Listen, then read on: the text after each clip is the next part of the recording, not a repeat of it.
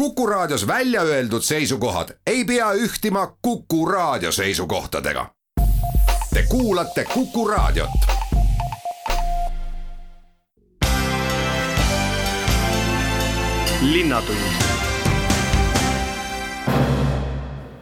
tere päevast, Linnatund alustab stuudios on saatejuht Ulla Lents ja ütlen kohe tere meie tänasele esimesele külalisele, kelleks on Tallinna Haridusameti juht Andres Pajula. tere, Andres, tere tulemast Kukusse. tere päevast kõigile. no tänasest äh, kehtivad Tallinna koolides päris mitmed piirangud, mis on mõeldud selleks, et koroonaviirust või selle levikut takistada ja hoida ära see, et see viirus laiemalt koolidesse jõuaks kui me hakkame nüüd pihta sellest, et kes on need, kelle puhul on öeldud, et ärge palun kooli tulge või kelle puhul on antud soovitus, et minna tuleb kohe distantsõppele. et äh, kellest, millistest klassidest me räägime ja kui range see soovitus on? Äh, tere päevast veel kord minu poolt ja olgem täpsed, et tänasest ei ole mitte mingisuguseid piiranguid, et äh, me räägime tegelikult alates järgmisest nädalast ja me räägime osalisest äh, distantsõppes, see tähendab seda, et ka järgmisest nädalast jätkub äh, kõikidele klassidele tavapärane õppetöö ja koolid äh, hajutavad eelkõige gümnaasiumiklasside õppetööd. kuidas see hajutamine kooliti toimub, see on kirjas kooli kriisiplaanis ja kui suures mahus tegelikult ühe või teise klassi kohta see toimub äh, see on ka igas koolis erinevalt, sest et erinevad kogukonnad on selle kokku leppinud. ka juba täna tegelikult äh, mitmed koolid äh, kasutavad hajutatud õppetööd, näiteks Tallinna kahekümne esimene kool alates uuest õppeaastast. Tallinna vanalinna hariduskolleegium ja on juba täiesti rahulikult selle õppetöö vormi niimoodi korraldanud, et õpilased on äh, teatud päevad koolis ja teatud päevadel siis niinimetatud distantsõppel ja distantsõpe tähendab siis seda, et kas see on siis iseseisev töö või see siis toimub video vahendusel õppetöö korraldus, nii et et selles mõttes ei ole midagi eriskummalist või selles mõttes ei ole õpetajatele ega õpilastele midagi eriskummalist, sest alati on ju õpetamisel olnud äh, kolm osa, kolm asja. üks on uue osa edasivõtmine, teine on äh, iseseisev töö, kolmas on äh, õpitu kinnistamine. nii et kindlasti kontakte on võimalik vältida selle kaudu, et osa neist õppeprotsessi elementidest viiakse siis individuaalsele tööle. samuti tegelikult ju ülikoolidesse, kui me läheme, siis on ju kohe kirjutatud et, et kuuskümmend protsenti on siis eh, juhendamise alusel ja nelikümmend protsenti on iseseisev töö, nii et. Eh, selles osas on kõik gümnaasiumiõpilased piisavalt täiskasvanud ja saavad sellega suurepäraselt hakkama. et distantsõppe puhul me räägime ikkagi vanematest õpilastest, et nooremad jäävad kooli tähendab, see on nagu üsna selgelt kokku lepitud, ükskõik kui kriitiliseks olukord läheb, siis me tahame säilitada nii kaua kui võimalik äh, äh, kõigile äh, esimese kahe kooliastme õpilased kuni kuuenda klassini ikkagi võimaluse käia vabalt koolis, olla kontaktõppes, nii et selles osas me kindlasti need meetmed peavad olema ikka väga karmid, kui me sinna kallale läheme no mis juhtub siis, kui samad õpetajad äh, peaksid nüüd seisma klassi ees ja osade lastega siis tegelema ka distantsõppel. et õpetaja koormus ju tõuseb oluliselt, et kevadel jah, oldi distantsõppel, aga siis ainult distantsõppel. koolis ei olnud kedagi, kas koolidel on võimalus õppele, õpetajaid tasustada täiendavalt? noh, selles mõttes, et ega kui klass on äh, distantsõppel, ega siis õpetajal korraga kaks klassi käes ei ole. Ja ongi tegelikult ja ega paljudes koolides see distantsõpe tähendabki seda, et, et võib-olla selle ekraani vahendusel seda õpet ei toimugi, vaid õpilased saavad iseseisvad õpiülesanded. mingis osas, mingis osas tegelikult toimuvad äh, siis niinimetatud distantsi vahendusel. ega tunniplaan reeglina on seesama, mis on ta, kui ta käiks koolis, nii et õpetaja jaoks ei ole mitte midagi muud. ta võib tal klassi ees seista kas siis läbi arvutiekraani või ta siis seisab klassi ees seal, kus klassis on õpilased. aga ma veel kord ütlen, et gümnaasiumis väga suur osa on niisugused individuaalsel õpiülesannetel, individuaalsetel tööl, uurimustöödel. mida saab suurepäraselt teha ka distantsõppel olles, nii et et ma arvan, et need vahetud kontaktid õpetajaga siis on ainult sellisel juhul, kui õpilasel on mingisugused küsimused ja sel teisel osa, teisel ajal on õpetajal võimalus täita teisi tööülesandeid. kas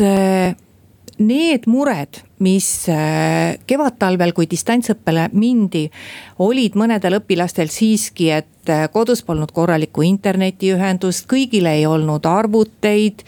ja vot seesuguseid asju, et kas need on tänaseks lahendatud, et kas juhul, kui tõesti kodus see probleem on. et äh, sa ei saa efektiivselt seda teha, et kas kool tuleb appi, on koolil võimalusi tulla appi ja kasvõi laenutada arvuteid kooli raamatukogust. noh, see on ilmselt kõige lihtsam variant, keerulisem on siis, kui kodus ei ole korralikku internetiühendust jaa, tegelikult ega ka kevadel ju koolid laenasid välja omal olevad äh, arvutid ja meil oli ka veel reservis tookord äh, üle kahe tuhande arvuti, kui me ka jagasime õpilastele välja, nii et äh, arvutiprobleemi ei olnud ega ei saanud tekkida küll aga jah, tegelikult andmeside probleemid olid ja ka täna on kokku lepitud linna IT-teenistusega, et kui on äh, ebapiisav andmeside, näiteks eelkõige siin me peame silmas võib-olla ka õpetajaid, kes on sunnitud võib-olla olema karantiinis või mingisugusel moel. ja andmesidest lähtuvalt nad ei saa tegelikult äh, siis distantsõppel olla, siis jah, me oleme leidnud lahendused ja täna on olemas lahendused ja linna IT-teenistus siis tagab selle lahenduste Äh, võimaluse siis ühele või teisele õpetajale, äärmisel juhul ka õpilasele, kui õpilasel on pikaajaline haigus. me teeme siinkohal oma jutuajamisse väikese pausi ja hetke pärast jätkame. linnatund linnatund läheb edasi, stuudios on Tallinna Haridusameti juht Andres Pajula ja räägime siis nendest uutest reeglitest, mis koolidele nüüd antud on. jutt on olnud sellest, et õpetajad peaksid kandma visiire, et kas see on kohustus? ja eks me ikkagi peame õpetajad eelkõige kaitsma ja selles mõttes, et kui õpetajad langevad rivist välja, siis äh, ükskõik kui palju hästi me hajutame, ei ole, kes õpilastele uusi, uusi materjali edasi andaks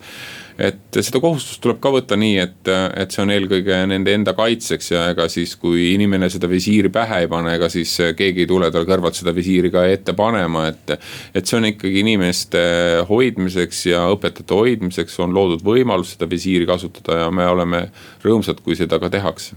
teine asi, millega Tallinn on välja tulnud, on termokaamerad äh, mille puhul eh, tegelikult nii lennujaam kui Tallinna Sadam, kes neid kasutasid, ütlesid, et ega neist suurt kasu ei ole ja ma eelmisel nädalal rääkisin ka ühe Tartu kooli direktoriga ja ta ütles, et ei, mitte mingil juhul, et siis meil lapsed nagu kogunevad hunnikusse nende kaamerate juurde ja palju hullem on. et miks Tallinn neid ikka kasutada tahab? No selge on see, et kui me vaatame ükskõik millise haiguse levikut, siis kõige esmane on see, et haiged püsiksid kodus. ja me peame tegema kõik selleks, et haiged püsiksid kodus. ja üks haiguse tunnus on äh, temperatuur ja kui me suudame ikkagi ja tänapäeva termokaamerad on väga efektiivsed ja ma olen isiklikult äh, tutvunud kõigi nende lahendustega, ei pea olema järjekorras, lihtsalt kõik, äh, kogu mass tuleb rahulikult sisse. võetakse silmapunktidelt need temperatuurid ja sealt koheselt on võimalik äh, tuvastada, kes siis tegelikult äh, on äh, juba määratud temperatuurist kõrgemad. ta ei mõõda sul täpselt sellest, kui palju see temperatuur on, kes on kõrgemal. ja siis juba on võimalik tegelikult need õpilased saata ilusti koju ja nad ei ole nakkusohtlikud teistele lastele. täpselt samasugust äh, meedet me kasutasime ka lasteaiades kevadel see oli tõhus selles mõttes, et ikkagi kahest aspektist lähtuvalt haiged jäid koju, nad ei tulnud hommikul proovima. ja teine külg on see, et kui ka mõni tuli, siis sai nad ilusti koju saadetud, et ma arvan siiski jätkuvalt, et see on tõhus meede ja kui me mitte midagi ei tee, siis pärast tagantjärgi tarkus on kõige hullem tarkus kas äh, kõigis Tallinna koolides on olemas kooliõde, kes äh, ikkagi langetaks selle otsuse, sest et äh, otsuse, kas laps on haige või mitte, saab ikkagi langetada meditsiinitöötaja? Jah, selles mõttes on siin vaidlused olemas, et, et sellest osas, kas laps on terve või ta ei ole terve, et perearstid tõendeid ei taha anda ja kooliõed on meil kõik kindlasti täna kõikides koolides olemas ja kindlasti me rakendame kooliõdesid. just nende laste selekt-, välja, kui see laps tuleb välja, et ta on palavikuga, siis kooliõde peaks olema see instants, kes siis suunab ta õige arsti juurde, kas siis perearsti juurde või annab talle soovitusi, mida ta seal kodus peaks tegema aga need nii-öelda isolaatoriruumid on ka kõigis siis koolides olemas, et kui tuvastatakse, et lapsel on palavik, et noh. selles mõttes, et väiksema lapse puhul ju ikkagi võib-olla peaks vanema vastu kutsuma, et ega teda ei saa ju sinna tänavale saata siis.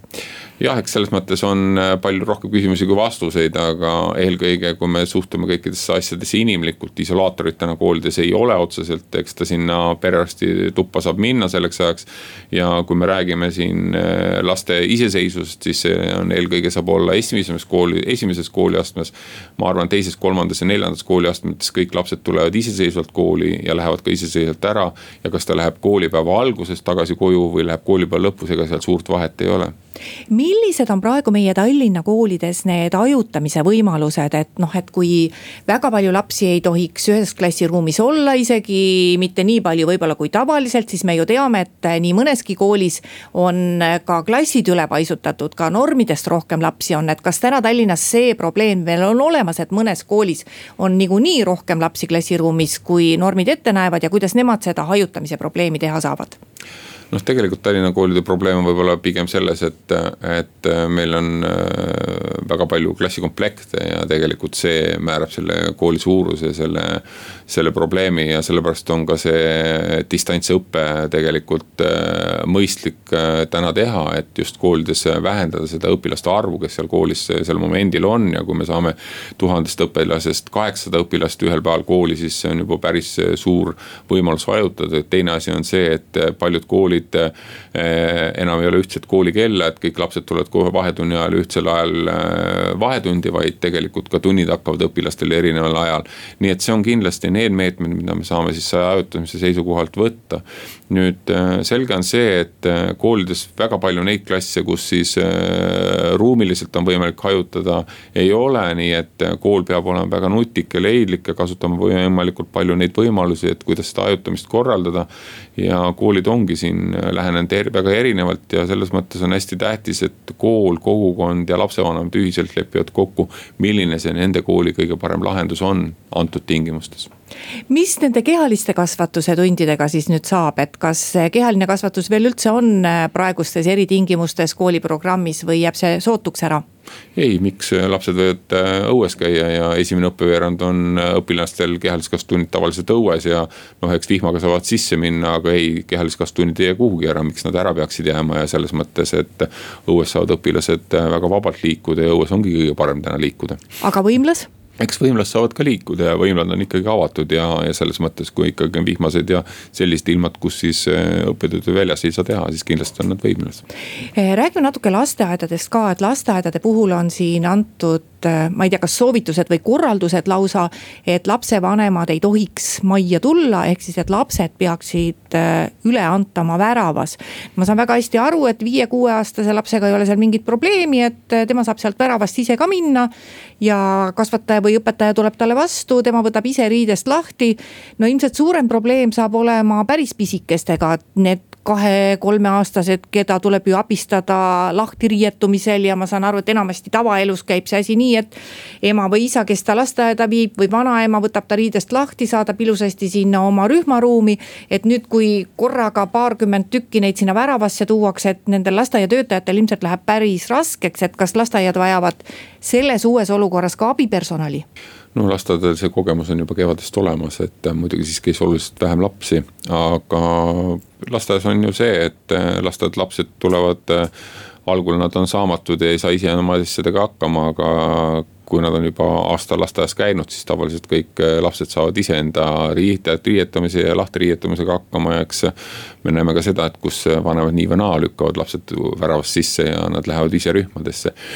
et äh, kindlasti üleandmine, vastuvõtmine ikkagi on vanem äh, lasteaia personal, et siin seda, see suhe ikkagi säilib, et, et need lapsed võetakse vastu, sest et. vastasel korral, kui äh, lihtsalt lükatakse väravast sisse ja keegi peaks neid otsima, siis lapsed võivad ära kaduda ja me peame tagama laste turvalisuse. teine küsimus on see, et,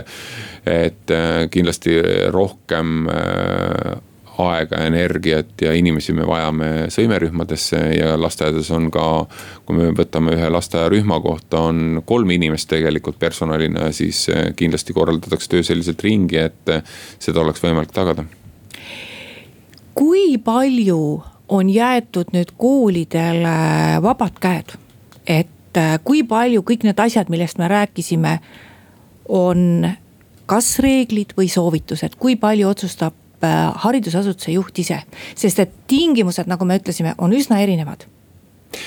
Äh, see ongi õige, et tingimused on erinevad ja iga kool otsustabki ise oma õppeprotsessi. Äh, see, kuidas ta hajutab, see, kuidas ta õppetööd korraldab, see, kuidas ta äh, distantsõppele osad klassid viib, see on iga kooli enda otsus. Millises mahus, kuidas, see on kooli otsus, et linna poolt on selged Äh, soovitused ja soojad soovitused, et, et me võiksime hajutada, et olla valmis tegelikult ja tagada selle, et kõik äh, koolid saaksid õppeaasta lõpuni normaalset äh, õppetööd korraldada, see on meie mõte ja. ja pigem tegelikult inimeste mõttemaailm peab muutuma ja, ja see arusaam, et see, mida me teeme täna, ei ole mitte selleks, et kellegi või millegi vastu teha. vaid selleks, et meid kõiki kaitsta ja see on tegelikult see, millest me peaksime aru saama. mitte otsima seadusepügalaid, mitte otsima mingisuguseid vastuväiteid, vaid ühiselt mõtlema. nii nagu seda on teinud Vanalinna Hariduskolleegium, kahekümne esimene kool, kes on juba õppeaasta algusest Äh, neid tingimustega arvestanud ja õppetööringi korraldanud. aitäh, Andres Pajula tulemast Linnatunni saatesse. siinkohal teeme me oma jutuajamistesse natuke pikema pausi kuulame ära Kuku raadio poolesed uudised ja pärast seda on jutuks teised teemad ja vestluskaaslasteks teised külalised. linnatund. ja jätkame juttu kooli teemal ja ütlen nüüd tere päevast, Haabersti linnaosavanem Andre Hanimägi. tere päevast. no kuidas teil kooliaasta algas linnaosas, kõik lapsed ikka leidsid oma koolid üles? jaa, hea meel on tõdeda, et äh, esimese septembri aktused on äh, jätkuvalt äh, traditsiooniliselt pidulikud, ilusad ja meeliülendavad vaatamata kõigele sai esimese septembri aktused kenasti ära peetud ja võib-olla natuke mõnede jagadega, kuid siiski kenasti. no räägime tegelikult nendest kõige väiksematest, sest eh, noh, koolikoha laps ikka leiab, see on juba kohaliku omavalitsuse kohustus, et keegi ilma koolikohata ei jää. lasteaiaga võib teinekord raskeks minna ja teil on eh, üks väga hea uudis see, et eh, õige pea juba saab valmis linnaossa üks täiesti uus lasteaed ja lapsi mahub sinna ka päris palju. et tänaseks on lasteaial nimi ka olemas, Naksitrallid nimi on tore, aga muidugi uudis iseenesest, et linnaosa täiesti uue lasteaia saab, on ka lausa imetore. millal siis lasteaed valmis saab? Jaa, tõepoolest Järveotsale ehitame siis uust, uut lasteaeda. valmis saab ta selle aasta novembris. lasteaed Naksitrallit, kakssada kaheksakümmend last saab seal endale koha, kuni neliteist rühma ja tõenäoliselt hakkab vastuvõtt juba siis uuel aastal ja kui me räägime tõesti nii-öelda lasteaiakohtadest äh, Haaberstis, äh, siis äh, me näeme seda, et tegelikult aiarühmadega ehk siis juba natukene suuremate lastega on üheksas lasteaias meil küllaltki hea seis tõsi küll, oleneb piirkonnast, et võib-olla kõige suurem mure ongi see, et äh, alati ei saa lapsevanem just sellesse lasteaeda, kuhu ta sooviks, kus oleks võib-olla tema nii-öelda töö ja elukoha mõttes kõige parem asukoht, aga Haaberstis äh, üldiselt neid kohti siiski jagub ja nüüd, kui tuleb kakssada kaheksakümmend uut kohta juurde, siis ka need, kes äh, võib-olla ei saanud äh, hetkel äh, nii-öelda parimat pakkumist Haridusametilt üldjärjekorra alusel, saavad juba uuel aastal ilusasse uude modernsesse lasteaeda endale koha kus kohas see täpselt on, et nimetasime juba, et ta asub Järveotsa teel, aga et mis selles paigas varem oli, et oli, ega ju seal päris tühja platsi ei olnud või oli? Ei, äh, seal oli ka vanasti äh, vana, vana, vana hoone, see hoone tehakse nüüd korda ja tegelikult Järveotsa on äh, selline asukoht, kus on Järveotsa gümnaasium, kohe naaber ja lisaks on seal läheduses ka üks teine lasteaed, mis samuti on hetkel remondis, ka see saab juba järgmisel aastal valmis, nii et, et meil saab olema ühes piirkonnas kaks modernset ja korras lasteaeda no aga see on samas ka piirkond, kus inimesi on palju ja arvestades, et Haabersti meil ilmselt on ikkagi kasvava elanike arvuga linnaosa, siis ega lasteaiakohtade üleküllust ei tule? Jaa, ei kindlasti ei tule, et et juba praeguseks on äh, Haabersti linnaosa elanike arv üle neljakümne seitsme tuhande, et äh, kui nii-öelda seda eraldada Tallinnast, siis äh, nelikümmend seitse tuhat on Eesti mõistes ikkagi väga suur linn. ja, ja kümnes lasteaed, mis nüüd juurde kerkib, on kindlasti väga vajalik. ja kui me räägime ka sellest, et milline on see vanuseline siis nii-öelda sihtrühm, siis tõesti, nii nagu ma ütlesin, aia- ja koolirühmade osas on Haaberstis küll üpriski hea seis Äh, siis äh, just äh, nii-öelda sõimerühmade osas, kuhu siis pannakse poolteist aastat vanu, vanad lapsed ja, ja natukene vanemad, siis selles osas on tõesti see murekoht võib-olla kõige suurem. nii et, et see Järveotsa tee aadressile kolmkümmend kolm ehitatav uus lasteaed saab kindlasti olema lahenduseks ka nendele, kellel on kodus kasvamas äh, alles äh, üpris pisikene laps, kuid kes ei leidnud siis enda kodu lähedal linnaosas äh, just nii-öelda sõimerühma. Nojah, ja kui linnal on võimekust ikkagi investeerida uutesse lasteasutustesse, siis sellises paikkonnas, nagu teie asute, et ei pea kartma, et lapsi ei tule, sest et et äh, kohe linnapiiri taga on samamoodi kasvavad omavalitsused ja on ju teada, et noh, et äh, paljud vanemad, äh, kes elavad Tallinnat ümbritsevates valdades, panevad hea meelega oma lapse kodu lähedale, aga vaat väga paljud tahaksid, et lapse lasteaiakoht oleks linnas, et oleks töökoha lähedal, et kui tööpäev on lõppenud, siis võtan lapse ja noh, võib-olla käime siis veel ka poes ära, sest paraku on elu küll selline, et Tallinn on täis liiklust, liiklusummikuid ja kui mhm. laps on kodukoha lähedases lasteaias, vaat sellel vallaelanikul ju just, siis võib juhtuda, et lapsele lasteaeda järele jõutakse alles kell seitse õhtul, et võib ju mõista ka nende vanemate muret, kes väga tahaksid küll elada väljapool Tallinnat, aga tahaksid ka seda, et laps oleks linnas lasteaias, aga linn mõistagi võtab ju eelisjärjekorras oma elanike lapsi vastu jaa, tõsi on see, et eelisjärjekorras küll võetakse, aga tegelikult ka Järveotsa kolmkümmend kolm on siiski äh, Euroopa Liidu äh, toetusel ehitatud, ehitatav hoone. Ja, ja ma usun küll, et ka Harku valla elanikud, kellel on see soov, on võimalik sinna lasteaeda ka koht saada, et täpselt, et see ei pea olema ju alati nii-öelda enda kodu lähedal, vaid peab arvestama ka enda töökohaga ja loomulikult arvestades Haabresti asukohta, siis äh, ma arvan, et siia on väga mugav enda last lasteaeda tuua, eriti kui see on ilus ja uus lasteaed. Kuidas äh, lasteaedade, aga ka koolide osas äh, pikas perspektiivis see vaade on, et vaadates, missugune on elanikkonna koosseis, et kus praegu king kõige rohkem pigistab või, või kuhu oleks veel vaja vat just investeerida, et teha paremaks kas koole, ehitada uusi koole või ehitada ka uusi lasteaedu? no ma alustan äh, kõigepealt positiivsest, et, äh, et kui me vaatame nüüd äh, seda, eks ole, et me ehitame uut lasteaeda Järveotsale, rekonstrueerime ühe lasteaia veel, ehitame noortekeskuse ja rekonstrueerime ka Tallinna Mustia gümnaasiumi, kus on praegu circa kuussada õpilast, äh, aga planeeritav maht on kuni üheksasada õpilast,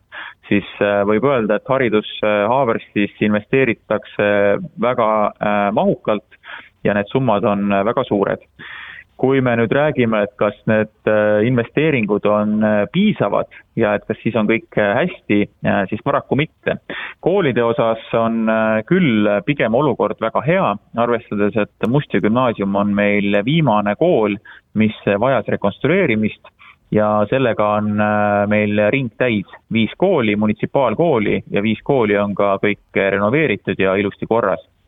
lasteaiakohtade puhul on nüüd äh, king äh, pitsitamas kõige rohkem äh, Kakumäel, kus on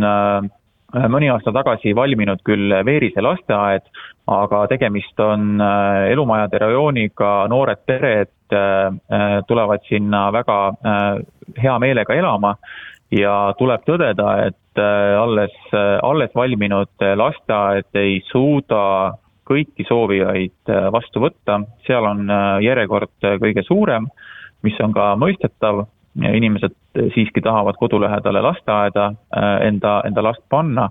Ja tõenäoliselt äh, nüüd äh, Kakumäe ongi see järgmine koht, kus tuleb väga tõsiselt mõelda nii lasteaia kas siis laiendamisele või uue ehitamisele või ka algkooli või munitsipaalkooli ehitamiseks. ja ja tegelikult on äh, mõtted selles suunas ka liikumas, maad on äh, nagu ikka alati veidi vähe, aga mõned asukohad on juba välja vaadatud ja kui riigile, riigiga saadakse kokkuleppele, siis äh, ühel hetkel on meil ka kinnistu, kuhu neid arenguid edasi ehitada. linnatund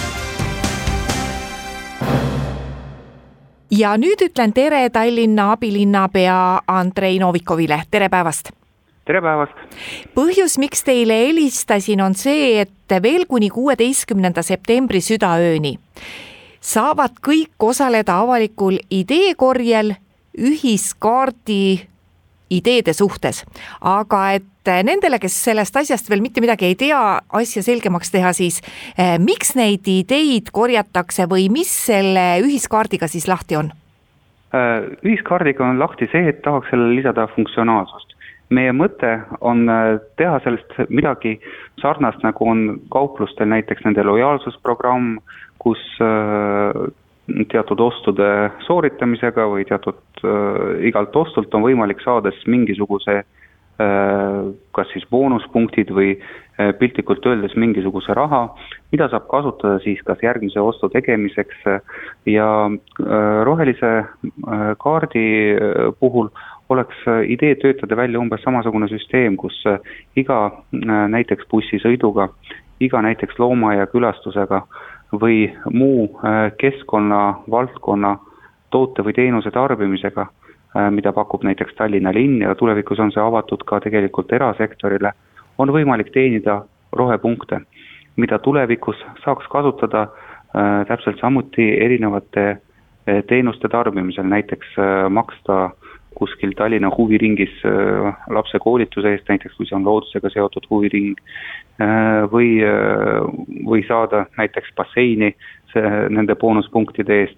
ehk siis tekitada selline paralleelsüsteem, mis soodustaks linlaste rohekäitumist ja võimaldaks sellise keskkonnateadlikkuse, keskkonnateadlikkuse tõusu ja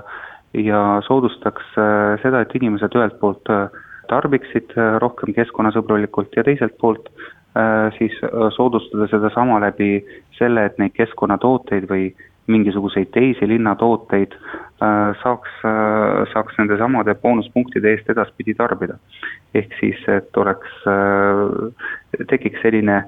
läbimõeldud võrgustik, kust ühelt poolt saab teenida punkte ja teiselt poolt neid siis kasutada selleks, et leida neid parimaid äh, viise, kust ühelt poolt äh, neid boonuspunkte saaks teenida ja teiselt poolt, äh, kus neid boonuspunkte saaks kasutada,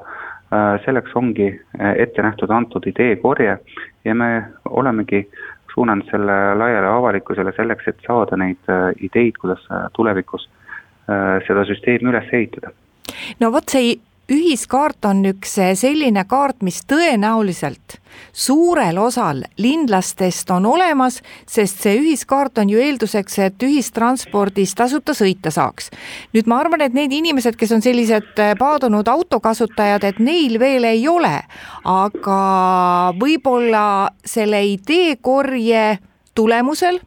kui on välja mõeldud, kus kohas neid boonuseid veel kasutada saaks, et võib-olla siis tasuks ikkagi kõigil mõelda selle ühiskaardi omandamisele? Äh, ma arvan küll, et see ei maksa palju, see on, selle hind on pigem sümboolne,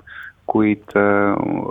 kui meil nende ideede seas äh, leidub sedavõrd atraktiivseid, mis tegelikult autojuhti meelitaks kasutama mingit muud teenust või, või kuidagimoodi soodustaks ka neid inimesi hoidma seda igapäevaselt taskus, kes täna seda ei tee,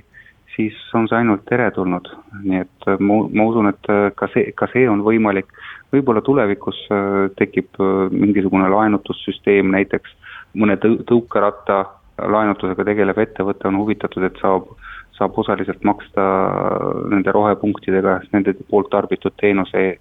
teenuse eest või me oleme avatud kõik, kõikidele ideedele ja ka potentsiaalsetele partneritele. ma saangi aru, et see ideekorje ei ole nüüd äh, nagu mõeldud ainult linlastele, kes võivad igasuguseid asju pakkuda, vaid see on huvi äratamiseks ka vot nende võimalike koostööpartnerite hulgas. et kui selline asi on välja käidud, et ehk see paneb siis nagu mõtlema, et eh, kuidas on minu soov ja ka minu tehniline valmisolek, et seda nii-öelda ühiskaardile kogunenud raha või neid punkte, et neid realiseerida vat selles, mida mina pakun linlasele? jah, see on avatud kõigile ja äh, ma usun, et kui kui leidub äh, see hea idee, siis äh, selle teostuse taha see, see ka ei jää.